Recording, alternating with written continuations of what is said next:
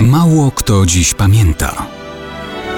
Datownik historyczny prezentuje Maciej Korkuć.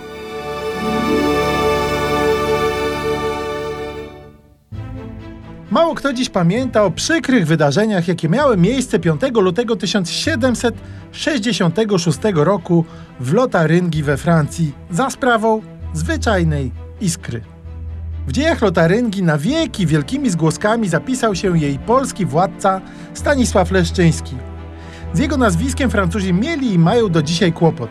Nie tylko nie potrafią go poprawnie wymówić, to można by było im wybaczyć, ale nawet w drukach zapisują je dość niechlujnie, jako Leczyński. I tak jest zarówno w odniesieniu do samego króla Polski, jak i w odniesieniu do jego córki, królowej Francji, Marii Leszczyńskiej. Królem Polski Stanisław Leszczyński był ogłaszany dwukrotnie. Raz po próbie detronizacji Sasa Augusta II Mocnego i wtedy działo się to w czasach wojny północnej za protekcją szwedzkiego króla Karola XII. Ale po klęsce Szwedów August II na tron powrócił, a Leszczyński doczekał jego śmierci. Wtedy w wolnej elekcji został wybrany ponownie władcą Polski. Zrobiła się z tego europejska wojna o sukcesję polską. Niestety, Rosja finalnie doprowadziła do osadzenia na tronie kolejnego Sasa, Augusta III. Stanisław oficjalnie zachował tytuł króla Polski, a jego francuski zięć Ludwik XV dał mu w dożywotnie władanie właśnie księstwo Lotaryngii. Król okazał się wspaniałym gospodarzem, co do dzisiaj upamiętniają pomniki, pałace i muzea w tej części Francji.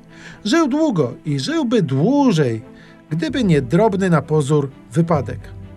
5 lutego 1766 roku 88-letni władca Stanisław nie zauważył, że jego szata zatliła się od kominkowej iskry. Z tego zrobił się płomień, który szybko rozprzestrzenił się na cały królewski ubiór. Na skutek tego boleśnie poparzony władca konał w męczarniach przez ponad dwa tygodnie. I w taki oto sposób można powiedzieć, że malutka iskierka zabiła króla Polski i władcę Lotaryngii.